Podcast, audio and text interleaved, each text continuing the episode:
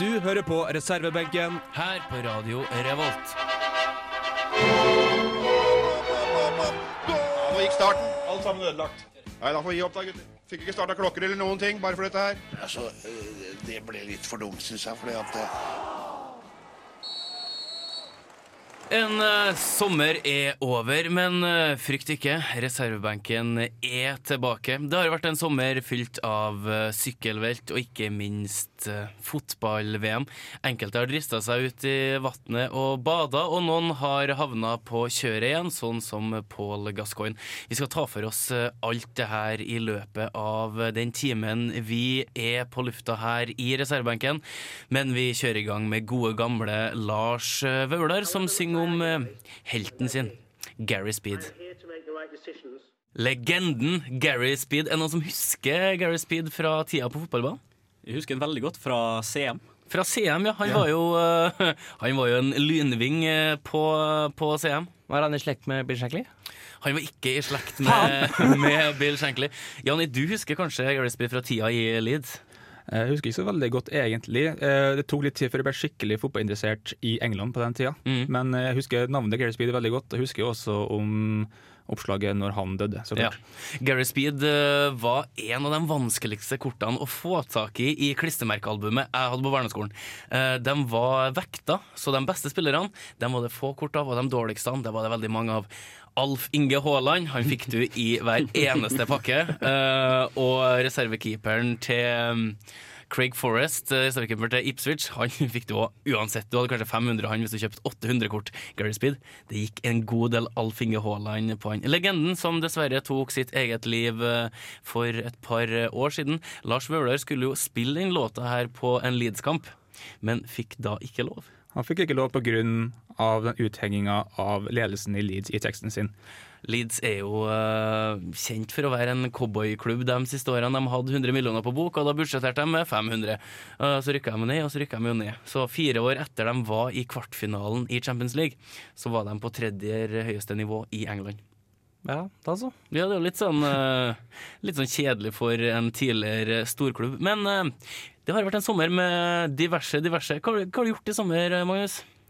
Nei, Jeg har stort sett sittet på reservebenken og ikke kommet innpå. Det, Haha. og sett mye VM. Prøvd å bevege meg litt på fotballbanen sjøl. Har det gått bra? Blitt et par ganger, og så sittet meg på sofaen igjen. Blir du sliten? Ja, for sliten. Du har ikke vært og reist eller noe sånt? Nei, Jeg har vært hjemme i Molde i to uker, resten har jeg vært her og gått rundt og ikke hatt råd til å reise ut av landet. Så Ingen- veldig, veldig fin Det er ingen som vil ha så vondt at du må være i Molde hele sommeren. Enn eh, du, Jonas? Jeg har, jeg hatt råd til å reise ut av landet. Uhu. Eh, så jeg har vært i Ir Irland, på irsk pub. Det var uh, opplevelse i seg selv. Det var ingen som var noe opptatt av fotball der, dessverre. Eh, og så har jeg vært i Frankrike og fulgt Tour de France i en eh, liten uke. Og da prøvde, bestemte jeg og pappa og broderen at vi skulle prøve å sykle opp ett av fjellene. eh, Opp til beryktede Col de Tourmalet. Hvor høyt er det? Eh, det er høyere enn Galdhøpiggen. Men vi starta forholds, forholdsvis høyt, da. Men vi steig jo 2000 høydemeter eller noe. Uh, over 18 km, altså var omtrent 8% gjennomsnittlig stigning. Og ingen av, ingen av oss er i så veldig god form. Broren min er det, men jeg og pappa er ikke det. Så vi brukte vel fire timer opp eller noe. Hvor lang tid ned? Ja, vet ikke jeg. 20 minutter.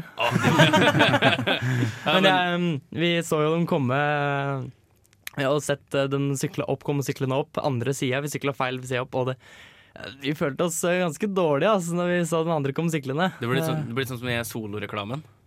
Hvilken da? Det er hun dama som sykler, og så uh, drikker Solo. Så kommer det en gammel dame syklende forbi og plinger for at hun bruker for lang tid. Ah. Eh, solo er vel den eneste brusen som kun hjelper mot tørsten. Eh, jeg tenker Du blir vel en sånn person når du eh, ser ryttere, eller ser dem som kanskje har holdt på litt mer på sykkelsetet.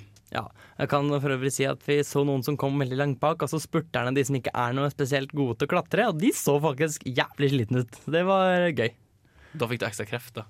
Nei, ja, men De sykla ikke forbi oss, vi sykla opp så dem, sykla vi etter. Og det gøye da kan fortelle om er at eh, da, når man står på toppen av fjellet, så står politiet og sperrer av for at rytterne skal få en god del luke, type et kvarter. Og, og så treller de ned. Tre, to, én. Og så kjører folk en kapp ned bakken. Det er livsfarlig. Det er livsfarlig. Eh, ja, og da kjører selvfølgelig bilene ned samtidig, da. Så vi lå jo ba eh, rett i støtfangere på bilene og måtte kjøre til bilkøen. Og i 80 km i timen på det verste. Det var, var litt skummelt. Meg- uansett, det jeg gjort i sommer, eh, eh, angående det å reise og sånn, jeg har jo kommet hjem fra England for det første, nå i juni, og jeg har jo bare sett på VM eh, hele sommer, eh, så lenge det varte, og jobba litt, og så har jeg vært i Spania. Ei, ei, ei, har du blitt en Frp-velger? Jeg skulle nesten trodd det, for jeg var altså i Torvika, som er svarteste Frp-land som du finner utenfor Norge. Torvikja. Torvika, som, eh, som var en vits for eh, ti år siden cirka. Ja, men det er der jeg er. Ja, du er der da. Var det stas? Ja, det var stas, men tolv tolv dager, det var nok, altså. Det er, det er veldig sånn familiestedplass, og det er ikke så mye de ser. Det blir sånn stort sett ligge på stranda og ja, sippe litt øl og bare nyte livet så lenge du kan. Ja, men altså, det er jo det sommeren eh, er til for. Du skal jo bare sløve. Du skal nyte dagene, og spesielt her i Trøndelag så har det vært ganske bra vær. Jeg for min del har ligget i eh, bassenget i hagen og drukket øl sammen med Magnus Jani. Det er helt, eh, helt nydelig. Her får du Einar Stray Orchestra med Politrix. Einar Stray Orchestra med Politrix her i reservebenken på Radio Revolt. Vi har så vidt snakka om eh, hva vi har drevet med i sommer, men hva har faktisk skjedd i sommer, Jonas? Nei, da, vi har jo nevnt at fotball-VM har vært. Så Eh, eller vi har nevnt, mange, eh, Jan har nevnt han har sett på fotball-VM, så da har det jo vært fotball-VM. Det har vært Tour de France. Jeg kunne sagt at de har sett på Tour de France, og det har vært Tour de France. Det har vært sjakk-OL i Tromsø, som var eh, ja, en gedigen suksess. Uh, har det vært noe annet? En, uh, ja, tronskift, eller trenerbytte i Rosenborg. Ja, altså vi har jo hatt eh, en god del som har eh, skjedd på brakka. Innavlet på eh, brakka, det fortsetter jo. Det er jo en kannibalisme. De ansetter jo sine egne folk, og så spiser de opp, og så skal de ha nye. Eh, Det var sagt eh, det før Kåre Ingebrigtsen ble ansatt, at de hadde sendt den Trond Henriksen Eller de ringte Trond Henriksen. Og han, Trond Solid, vel. og han Trond Henriksen. Okay. Og han hadde bare svart med å slenge på røret, for han var forbanna for at han har blitt degradert tidligere. Så det som skjer på brakka, er jo ikke noe særlig bra, og det er jo ikke akkurat noe nytt. Eh, Rosenborg er jo ikke eh, i nærheten av hva de eventuelt var for eh, ti år siden.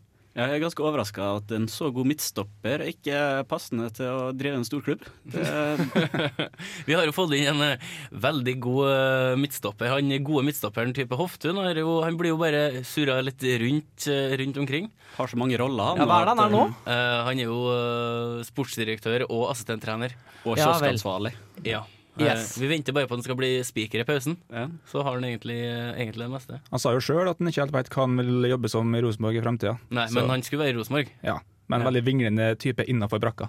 Ok, ja. Uh, han kan jo fylle på en sånn gummi på kunstgresset eller et eller annet. Skal vi ikke snakke om Tour de France? Jo, vi kan snakke om Tour de Kan vi France. snakke om Tour de France? Ja. Yes, vi kan snakke om, Okay. Uh, det har vært Tour de France i sommer, det nevnte jeg. Uh, vi har fått en ny sykkelkonge. Han heter Alexander Kristoff eh, og kommer fra Stavanger, selv om det ikke høres sånn ut. Eh, Han er vant- kjedelig. han, nei, egentlig ikke. Jeg og broren min elsker å prate hverandre som Alexander Kristoff, fordi han sier alltid 'jeg føler meg sterk'. Det er han det favorittingen hans å si. Selv når han blir nummer to, så er sånn han føler seg alltid sterk. Og det er jo ikke kjedelig å si. Nei, men altså han sier det på sånn måte at han sier at han følte han hadde kontroll når han vinner med tre centimeter. Følte at nei, men jeg skulle vunnet i dag, jeg er best av de som er her, jeg har slått de før. Ja, for da er han ikke kjedelig. Nei, nei, ok. Nei, det her snakker jeg til en vegg, så Men uansett, han vant to etapper. um, samtidig så var det litt sånn antiklimaks i Tour de France, fordi det var ment at det skulle være For det første så krasja Mark Cavendish, eh, den storspurteren til England, på første etappe. Han skulle måtte, Tour de France starta i England i år. Han skulle vinne første etappe, ta gul trøye og gjøre stor glede til England. Det gikk jo ikke. Chris Froome skulle forsvare sin gule trøye, sin sammenlagtseier. Han krasja på fjerde etappe, eller fjerde etappe, som skulle være egentlig hans store svakhet. Fordi det var brostein. Men han klarte ikke å komme seg til brosteinen engang. Det regnet den dagen. Han velta to ganger før brosteinen. Så det, det, det ville seg ikke. Og han tenkte folk ok, da er det parademarsj for Alberto Contador. Han vant Tour de France to før, og jalla jalla. Men han klarte også å krasje. Og da er det, var det en som satt igjen, og han vant med sju minutter. Nesten åtte minutter. Det er litt kjedelig. Ja, men eh, det var for som forventa, egentlig. Fordi han var den solklare til å bli nummer tre bak de to. Så um, Hva som, Men- hva som gjør at eh, folk krasjer og tryner i eininga? De, de lever jo av sykkel. det er, eh, det er mange syklister som ikke bruker nok tid på å sykle teknisk godt. Han som vant, han er en av verdens beste utforkjørere. Han kjørte aldri brostein, han var blant de aller beste på den farlige brosteinsetappa. Sånn at uh, noen bruker tid på teknikk uh, og holde seg på sykkelen, og de tjener på det. For til syvende og sist så vil du velte, men hvis du klarer å holde veltene til det minimale, da går det mye bedre. Men ser du på uh, Tor Huse, han er lagt opp? Nei, Eh, han eller? skal sykle VM. Han Hvis han VM. blir tatt ut i VM, skal han sykle VM. Ja, men uh, ble ikke med i Tour de France i år heller. Nei, han har, han har slitt med sykdom, og mm, det var aldri tema at han kom til å komme til Tour de France i år. Og det var eh, utrolig trist. Men han er jo 150 år snart, så det er på tide. Ja, han er ikke ung lenger. Han holdt jo på å ta en skalpe i den nylig avslutta rittet Arctic Race of Norway. Da ble han også banka av Kristoff, dessverre. Men hvis vi spør uh, sånn litt sånn uh, åpent her, husker vi noen andre toppsyklister før uh, Hushovd? Nei, veldig lite, egentlig. Um, Dag Otto Lauritzen. Ja, da har du én, men altså, hvor mange har, kan du ramse opp noen tidligere store norske syklister som har gjort det bra internasjonalt? Knut Knutsen. Knut Knudsen, ja. Knut Knudsen har uh, virkelig blitt fra seg. Blitt verdensmester på bane og vært blant verdens aller beste temporyttere, så han må jo nevne. Var ikke Dag Erik Pedersen syklist? Dag Erik Pedersen var syklist, har vunnet etapper i eh, Giro d'Italia. Han har vært utrolig Og hvor eh, lenge er det siden Knutsen og Pedersen var, var på topp? Nei, det nærmer seg 30 år siden. Ja, akkurat, sant? Eh, Jeg har ikke sett noen av dem sykle. Jeg har bare sett dem på TV. Da var du ikke født, så Pedersen, Pedersen kan jo veldig mye språk. Ja, Eh, Ja, og Lauritzen har jo sett sykle på TV-showet sitt. ja det er, det er altså- bare der han sykler. Ja, altså, han, altså, han tar jo bare med dårlige syklister for at han skal se ekstremt god ut uh, sjøl. fin eh, figur, fin type. Han skal bare trene, trene og trene. Det var det eneste en, eh, Utrolig bra. Ja, utrolig bra. Nei, vi, det er en fin fyr. Uh, Jeg var på jakt etter han i sommer, jeg, i Arendal. Jeg fant ikke Nei, Grimstad. Jeg fant ikke den i det hele tatt. Her har du His Golden Messenger med Mahogny Dread. His Gold Messenger med Mahogny Dread her i reservebenken. Dette er den første sendinga vi har eh, etter eh, sommeren, og fotball-VM var jo eh, I sommeren. en bra tidtrøyte for de aller fleste. Hvor mange kamper så du, Magnus? Jeg Så alle jeg hadde mulighet til. Det var et par jeg måtte følge litt på telefonen på jobb. Og fikk ganske solid telefonregning pga. det. Ja, du gjør det. Jeg har en kompis som eh, bruker å ta fri eh, hele VM og hele Tour de France. Um, Og det gjør det deilig ut. han jobber veldig med våren om høsten. Avspasering. Du må bli lærer. Det er kjempegreit. Nå kan du se på hjem og se på Tour de France. Da kan jeg bare streke litt, og så går det, går det fint. Fot Ja, ja. Fotball-VM, hva sitter vi igjen med? Det var jo ble arrangert i fotballens vugge i Brasil, og hva er det du husker best, Magnus? Det er uten tvil eh, Brasils eh, kamp mot Tyskland. Fadesen. Fadesen, vi kan kalle det det. Det var vel ikke mye kamp. Det, For en kamp. ja, det var, det var enveiskjøring fra start til slutt. Det, det er noe av det sykeste jeg har sett noen gang. det var slakt. Det var slakt. Og Brasil som skulle vinne på hjemmebane, og alle hadde store forhåpninger, og så kommer Tyskland og bare kjører over dem. Avgjør kampen på et par minutter. Altså, det har kommet til å vært et antiklimaks øh, hvis Brasil har røkket ut øh, tidligere, i og med at det er så øh, stor entusiasme i landet. Eh, og de går jo eh, De kommer ganske langt, for all del, men de går ut på en måte som ingen har trodd før. Eh, jeg så jo et par spørsmål på Twitter. Hva var oddsen for at eh, Tyskland skulle vinne så stort? Jeg tror ikke det var odds på det Ja. Eh, og det var faktisk ikke noe odds på det i hele tatt. Eh, jeg husker jeg så kampen til noen slektninger, og idet jeg gikk ut fra stua, så knytt skoen. Så de skåra to mål. så jeg stressa ikke for å komme meg hjem for å se resten. Men altså, den kampen der den kommer til å bli huska i lang, lang tid. Skolari måtte jo gå av, har fått seg en ny jobb nå i Brasil.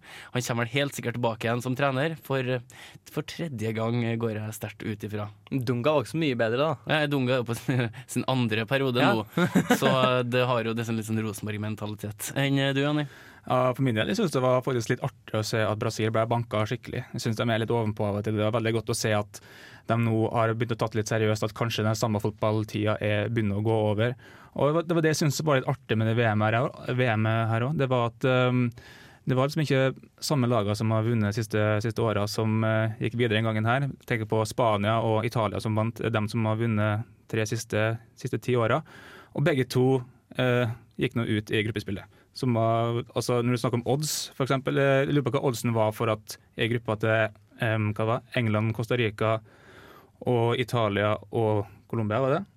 Det stemmer nok. Ja, At faktisk Costa Rica og Colombia kom på første og andre i den gruppa. Det synes Ja. jeg er fantastisk. Altså Utfallet av den gruppa der ødela nok VM-tippinga for uh, veldig mange. Ja, jeg vil tro det.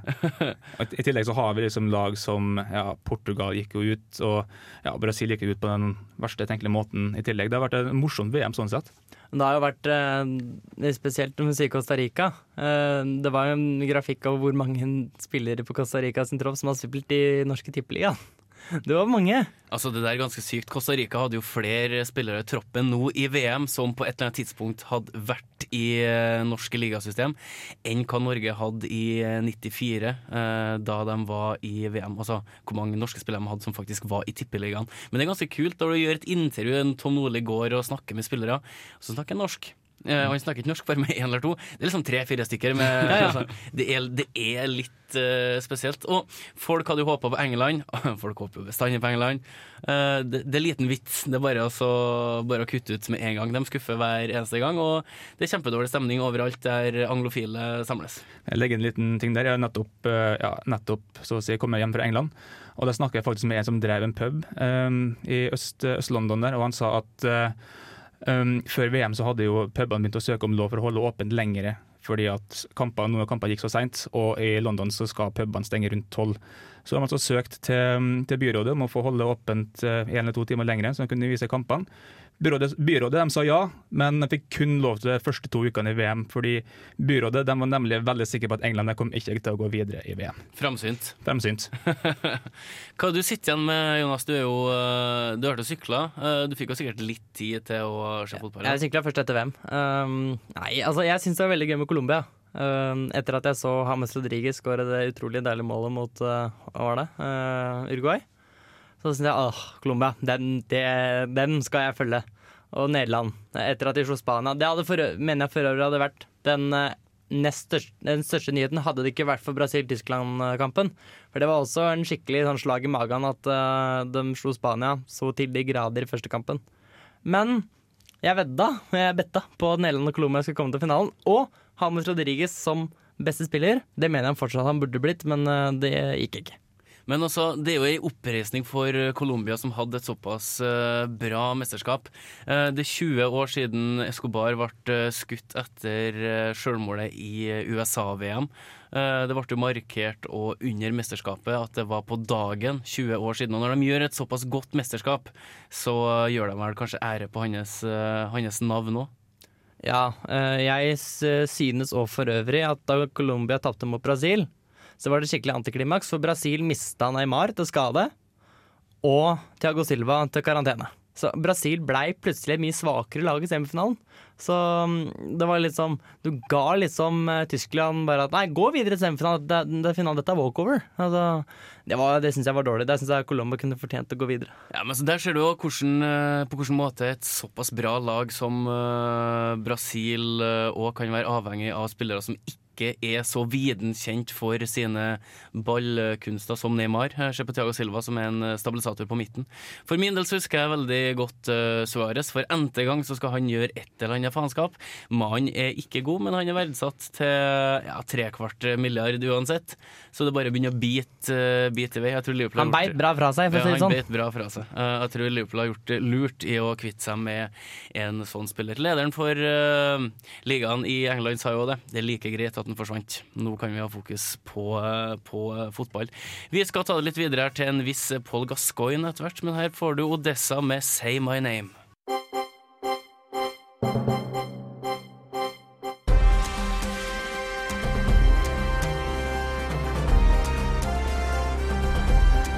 Aktuell rapport sett fra sidelinja. Det har gått ganske dårlig med enkelte storspillere gjennom uh, tidene. Tenk på George eh, Best som uh, drakk seg i hjel. Uh, nå har vi en uh, gammel helt som er på god vei til å nå avgrunnen ganske fort. Vi snakker om Paul Gascoigne, som har eh, i det siste halvåret leid ei leilighet til 30 millioner, annet i samme blokk som Tony Pulis. Forrige uke så ble han uh, henta inn av ambulansepersonalet for at han får rave gatelangs. Eh, og det jeg bet meg merke i, det var at han så jo helt forferdelig ut, og så hadde han crocs. Uh, det, det ser ikke noe sånn særlig bra ut. Uh, Pål Gascoigne har jo alltid slitt med alkoholproblem, og Erik Thorstvedt sa det da han uh, var spilt sammen med en i Tottenham, at eh, med en gang han er ferdig med A-lagstreningene, så får han begynne treningene. Eh, For han klarte ikke å cope med livet utafor banen, og det kan vi jo se tegn på nå. Hvordan det har eh, gått med han. Nei, altså det var jo ganske sjokkerende bilder som kom ut i engelsk presse nå eh, for et par dager siden, der han ser ut som han har blitt uh, gått opp i 70-åra plutselig. Og han, det er jo nesten ugjenkjennelig, det, det han har blitt. Ja, altså Det er jo absolutt ikke bra, det som har skjedd med Paul Gascoigne. Han har vært hanka inn flere ganger for eh, vold og mishandling. Jeg husker Paul Gascoigne best fra en kamp i eh, EM, da de spilte mot uh, Skottland. Han fikk ballen, han tippa den over hodet på Colin Henry og dunka den i mål. La seg ned, så den bleka liksom det øverste delen av topplokket. Og så kom det noen og spruta Gatorade i, i munnen på han. Det var sånn vi skulle huske Paul Gascoigne fra tida da han var i, i Lazio og um, Tottenham. Han var innom Everton, og så var han en liten runde i Kina. Da, småtjukk, men elegant, og hadde bestandig en uh, smart kommentar. Men det er ikke alle sammen som klarer livet utafor. Og nå bruker han Crocs. Nå, nå bruker jeg Crocs. Ja. Er det buen? Er Crocs buen? Eh, han var jo allerede ganske nærme buden, kanskje han bare bestemte seg for å ja, vi trør til. Vi tar den helt ut. Vi kjører fullt ut. Uh, men han har fått jobbtilbud. Uh, veldig mange vil, vil hjelpe den gamle storspilleren. Han er ikke 50 år engang, han som Magnus sier. Han ser ut som han er oppe i 70-årene. Men han har fått jobbtilbud av sin gamle kompis Happy Harry Redknapp. Ja, har fått jobbtilbud om en trenerposisjon i QPR. Og det er jo bare det er veldig nesten rørende å se at det er så mange som har lyst til å hjelpe en i fotballmiljøet i England. Det er veldig mange som slår ring rundt den. Og det er jo synd at det ikke har skjedd noen forbedringer ennå, men kanskje vi får se det snart. Altså Det er jo litt sånn med tidligere spillere som kanskje ikke har noe mye å felle tilbake på. De har veldig mye penger, de har veldig mye fritid. Eh, hva skal de bruke det på? Han hang tidligere òg til, å- og til å drikke. Kan jeg holde den innenfor rammene, Jonas? Jeg kan ingenting om Paul Gascoigne, men eh, nei, den innenfor rammene, det kan du si. Um, Det hjelper vel på at han har noe å gå til, for å si det sånn. Han skulle jobbe med ungdoms Ja. ungdomsspillerne i, det klubben. Det veit jeg ikke om er så mye. Han er kanskje ikke noe godt forbilde, er han det? Nei, men Vi altså, snakka om alkoholproblemer og så videre. jo, men altså, i forhold til at uh, han øh, får noe å fylle dagene med. Det er jo ikke sånn at han skal, skal drive en bedrift. Uh, det er jo rett og slett for å sosialisere han. Altså, han blir jo et forbilde hvis han greier å komme seg ut av den onde sirkelen her. da. Vi ser f.eks. på, Ja, Klaus- på Klaus Lundekvam her i Norge. Han hadde jo veldig store doproblemer og ja, rusproblemer en stund, men han, han har skjerpa seg, og nå er han jo han er jo en liten gullgutt. Han er jo det. Det er jo mange som ser opp til han og det han har gjort og det han har vært gjennom, og hvordan han har kommet seg ut av det. Absolutt. Ingen, ingen tvil om at vi, øh, vi håper at han øh, kommer seg på beina, at han ikke blir en, øh, en ny Matti Nykenen som får å surre og kommer oppslag annenhver uh, måned med at han enten banka noen, eller knuste ei rute, eller træsja en bil inn i Ja, altså det, det blir litt synd. Vi krysser fingrene for Paul Gascoigne, og ikke minst uh, fottøyet hans, at han klarer å få noe bedre på føttene enn uh, enn Crocs. Kan ikke være bra for ryggen heller, tenker jeg. Det, det kan jo ikke være, kan ikke være helt bra. Vi skal rulle litt videre. Vi har en topp tre, og hvordan høres den kjenninga ut, Jonas? Tre Kalle Ankas brorson. Topp tre pingisspelare med saker från växtriket i namnet. Okej, är du beredd? Ja. Topp tre, topp tre, topp tre. Og vi har grunnleggeren av eh, topp eh, tre tilbake fra eksil i eh, London. Kyrre tok jo det her videre til å bli en faktabasert greie. Og du skal fjerne all den fakta og seriøsiteten med å ta det videre til alt annet. Det blir jo fakta, men eh, jeg føler at det blir morsom fakta. Litt mer sånn, litt, litt lettbeint det vi skal snakke om nå. Og det vi skal ta for, oss, ta for oss i dag, det er topp tre altså rare skader innenfor idretten. Og det er en veldig sånn Har vi ikke hatt det? Nei, det har vi ikke hatt. Oh, men, men det er ganske men artig du sier, for det er en ganske triviell ting å snakke om for folk som er interessert i sport. Det er veldig mye oppslag om rare skader som har skjedd med folk. Altså, et nevneverdig eksempel er jo David Seaman, som faktisk greide å skade seg når han strakk seg etter fjernkontrollen når han satt på sofaen og skulle se på kamp, eller hva det var. Men jeg prøvde å finne fram noen som kanskje ikke er like kjent Han som skal David sikkert se Seaman. feil kamp. Hm? Han skal sikkert se feil kamp. Ja. Og i tillegg pådrar han seg en strekkskade for å prøve å nå to-knappen på fjernkontrollen. Det var Rio, Rio Ferdinand. Hm? Rio Ferdinand. Var det Rio Ferdinand? Ja. Var ikke Han har sikkert også gjort det. David Simen nå gjorde det. Jeg lurer på om begge gjorde det, faktisk. Ja. En eh, veldig vanlig skade. Samtidig, eller? Da må de gå på Ikea, for der får du en sånn ting du kan feste på armlenet, der du kan legge alle fjernkontrollene i. Uh, men videre til skader fra fjernkontroller på Ikea. Ja, Første person på tredjeplass det er altså det er en norsk spiller fra 70- og 80-tallet som heter Svein Grøndalen. Fra Halden, faktisk spilt på Rosenborg en god stund nå. I, eh, jeg vet ikke helt hvilket år det var, men i 1970-åra så kom han opp med en litt sånn rar skade rett før en eh, kvalikkamp internasjonalt. Og det var at Han, ute og jogga, han var ute og jogga en tur, og tilfeldigvis så sprang han på en elg. Nei. Uff. Og han måtte derfor stå, stå over den kvalikkampen. Og finnes det en mer stereotyp uh, utafra, sett ut fra stereotyp måte å skade seg på som en nordmann enn å springe på en elg? Eh, det, var, det var i Bymarka han gikk tur med kjerringa. Ja, ja. Eh, og så kom den elgen, og det, det gikk jo tydeligvis ikke bra. Men jeg syns det er bra at du har et idrettslag oppe i Rindalen som heter Troll Elg. Apropos elg. Um, Setter du penger på det, så får du, får du noe tilbake. Ja. Det er veldig mye snakk om odds i dag, jeg tror den er ganske høy. de, de er fryktelig høye. Ja. Eh, elgen, altså. Mm. Mm. Og på nummer to så har vi, da skal vi til USA. Da har vi en baseballspiller som heter Matt Latos. Og han eh, Det er jo veldig mange, veldig mange spillere og idrettsfolk som eh, blir skadet fordi de går ut for hardt. Og noen, inkludert Matt Latos, han blir skada av å holde litt igjen. Fordi han måtte altså stå over en kamp fordi han holdt igjen en nys. Ok, Fortell hva som da for, forløp etter det. Etter det så fikk han så vondt i hodet at han måtte bare over, Å, oh, stå over den kampen. Uff, Så jeg tror jeg har lært når jeg var liten at du skal ikke holde tilbake en nys, du, skal, du må få den ut, for hvis ikke så kan du skade det. Du kan brikke ribbeina, har jeg hørt. Såpass, ja. ja men at um, jeg så i tillegg at det var en annen enn en kollega av en Matlatos, altså en litt mer um, kjent kollega som heter Sammy Sosa. Han greide i tillegg å få et lite nysanfall, han òg. Heldigvis så slapp han ut, men ikke heldigvis egentlig, fordi han fikk ryggspasma ryggspasmer med eneste gang. Og han måtte få en epidural etter kampen. Ja, så det er jo eh, absolutt ikke bra å skulle bli skada av en eh, nys. Jeg har jo knekt uh, to ribbein i sommer uh, på fotball, og det å nyse, det er helt forferdelig, altså. Det er Du- kjempevondt. Eh, Magnus har jo knekt det på hockey. Ja. Du kan, jo, altså, du kan jo ikke bevege deg hvis du har knekt noe så vitalt, sjøl om det er ganske teit egentlig med et ribbein. Ja, Så kan du også prøve å spy da, mens du har knekt ribbein. Det er vondt, altså. Altså, det er utfordring. Ja. Fanken, altså. Du starter med å holde igjen et nys, og så blir du dritdårlig, så skal du nyse. Nei, så skal du, så skal du spy. Du kommer til å gå i vei. Altså, det er sånn ilandsdød uh, de luxe. Det er en idrettsutøver, er Dag Otto Lauritzen, som har sagt eh, det er ingenting som er umulig. Det er umulig, det tar bare lengre tid.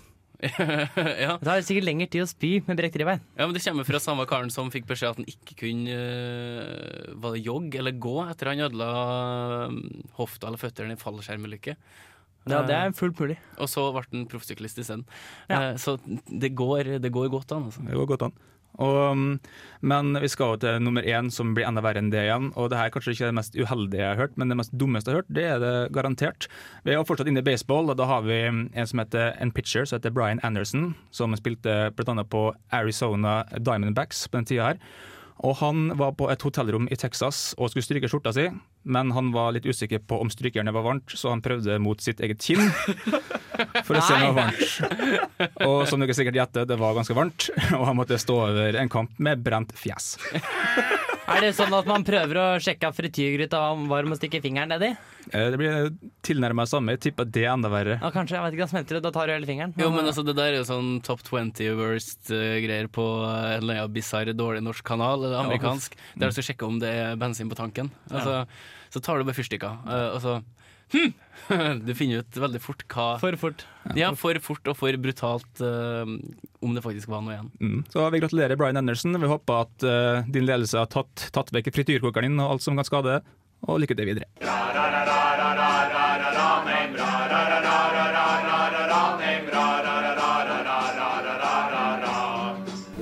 the hell was that? One of the worst I've ever heard. Mack eller mesterverk? Mack eller eh, mesterverk, vi er jo veldig flinke her til å eh, finne tak i eh, stygge ting. Eh, vi har òg hatt noen fine ting, og nå skal vi avgjøre om ukas låt er et mack eller mesterverk, og hva vi har med her, Janni. Nå har vi tatt med oss en liten låt fra 1989, da Sverige var i hockey-VM. Og eh, vi har ikke hatt med så veldig mye svenske sanger før, så vi gleder oss virkelig til å høre hva de har å by på. Hockey, eh, da tenker jeg mm, eh, låta til Sjampo. Hockeystar! som kanskje er den beste låta vi noen gang har spilt i reservebenken. Ja, uten altså, det, er, Uten tvil. det er helt nydelig. Er vi bedre enn svenskene? Det er jo det som er spørsmålet. Her får du tre kroner med 'Nu tar vi dem'.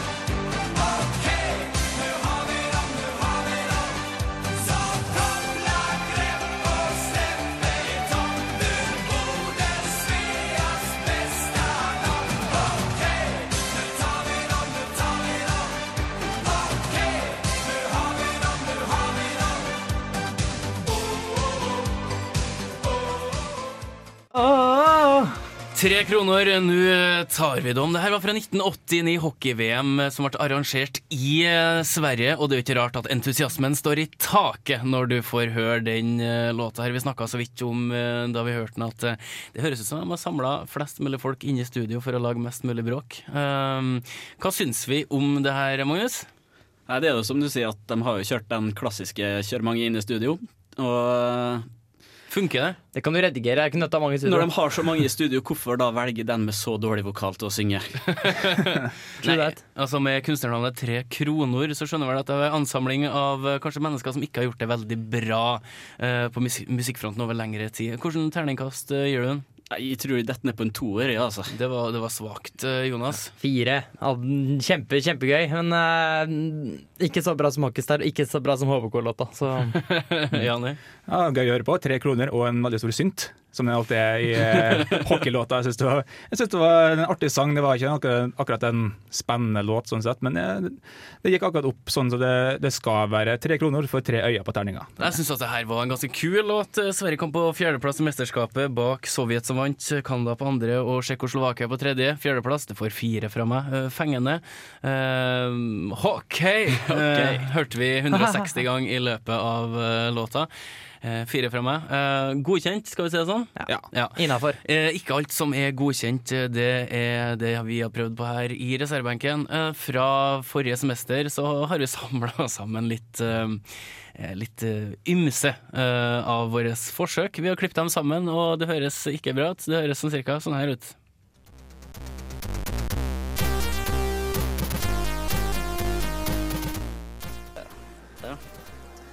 Anser seg sjøl som eh, Anser seg sjøl som eh,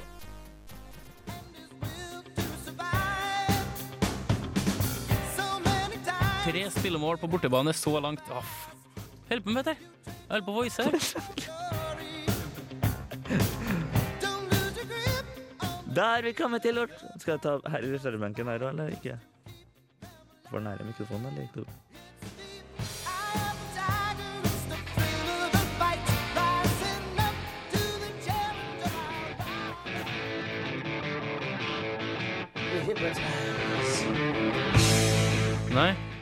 Har i det siste blitt flink Ja, faen. Ikke fikla på det her. Likte det.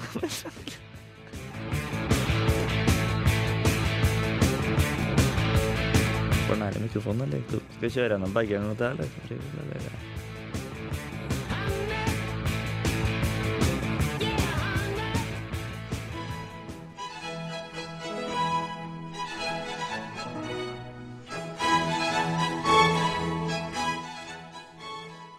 Av National Basketball Association. Association.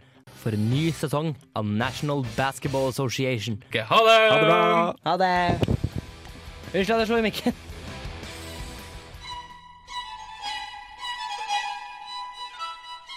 Og så høres vi igjen neste uke. Ha det! Ha det! Ha det! Ha det! Alltid, altså, forandring, altså, forandring er alltid en bra ting, eh, vil jeg si. Altså, tydelig at uh, Nå skal det sies at uh, jeg tror ikke det bare er at vi har hatt en min under par i landslagstrener. Ha det!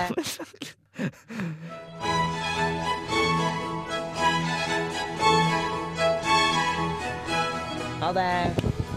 Ha det!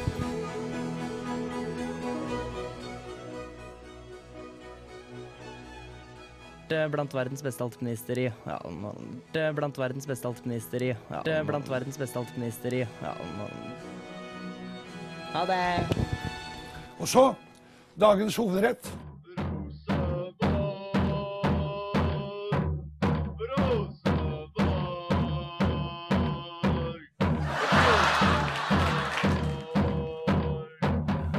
Radio skal jo ikke være eh, enkelt. Eh, Vi har eh, kunnet fylt et par timer med sånne ting. Og det Dessverre. Kommer, ja, og det kommer garantert flere i løpet av semesteret.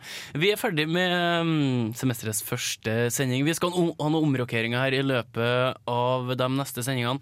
Vi skal ta inn to nye. Vi skal endre litt på konseptet der folk skal gå ut og lage, og lage saker. Men Magnus er selvfølgelig med når det trengs. En evig benkesliter. Eh, vi vet faktisk ikke hva vi skal ha med på neste sending, eh, men at det blir bra, det er jo ingen som helst Alltid. eh, tvil om. Ja, det blir jo uansett helt nydelig. Eh, vi takker for oss her i studio. Det har gått bra, ikke det? Det har gått, det har gått veldig bra i dag, syns jeg. Innafor. Vi, vi er fornøyd, og vi har noen bloopers vi sikkert kan klippe til neste gang. Vi kommer oss i form, pleier de å si på tre før tre ukers ritt. Det går bedre og bedre. Ja, ikke sant. Eh, gå inn på reservebenken.no, eh, hør oss der. Finn oss på Facebook, uh, lik oss, eh, gjerne kom med noe innspill eh, til oss der. Det setter vi veldig stor pris på. Så høres vi om ei uke, og på tre så sier vi ha det. Én, to, tre. Ha det!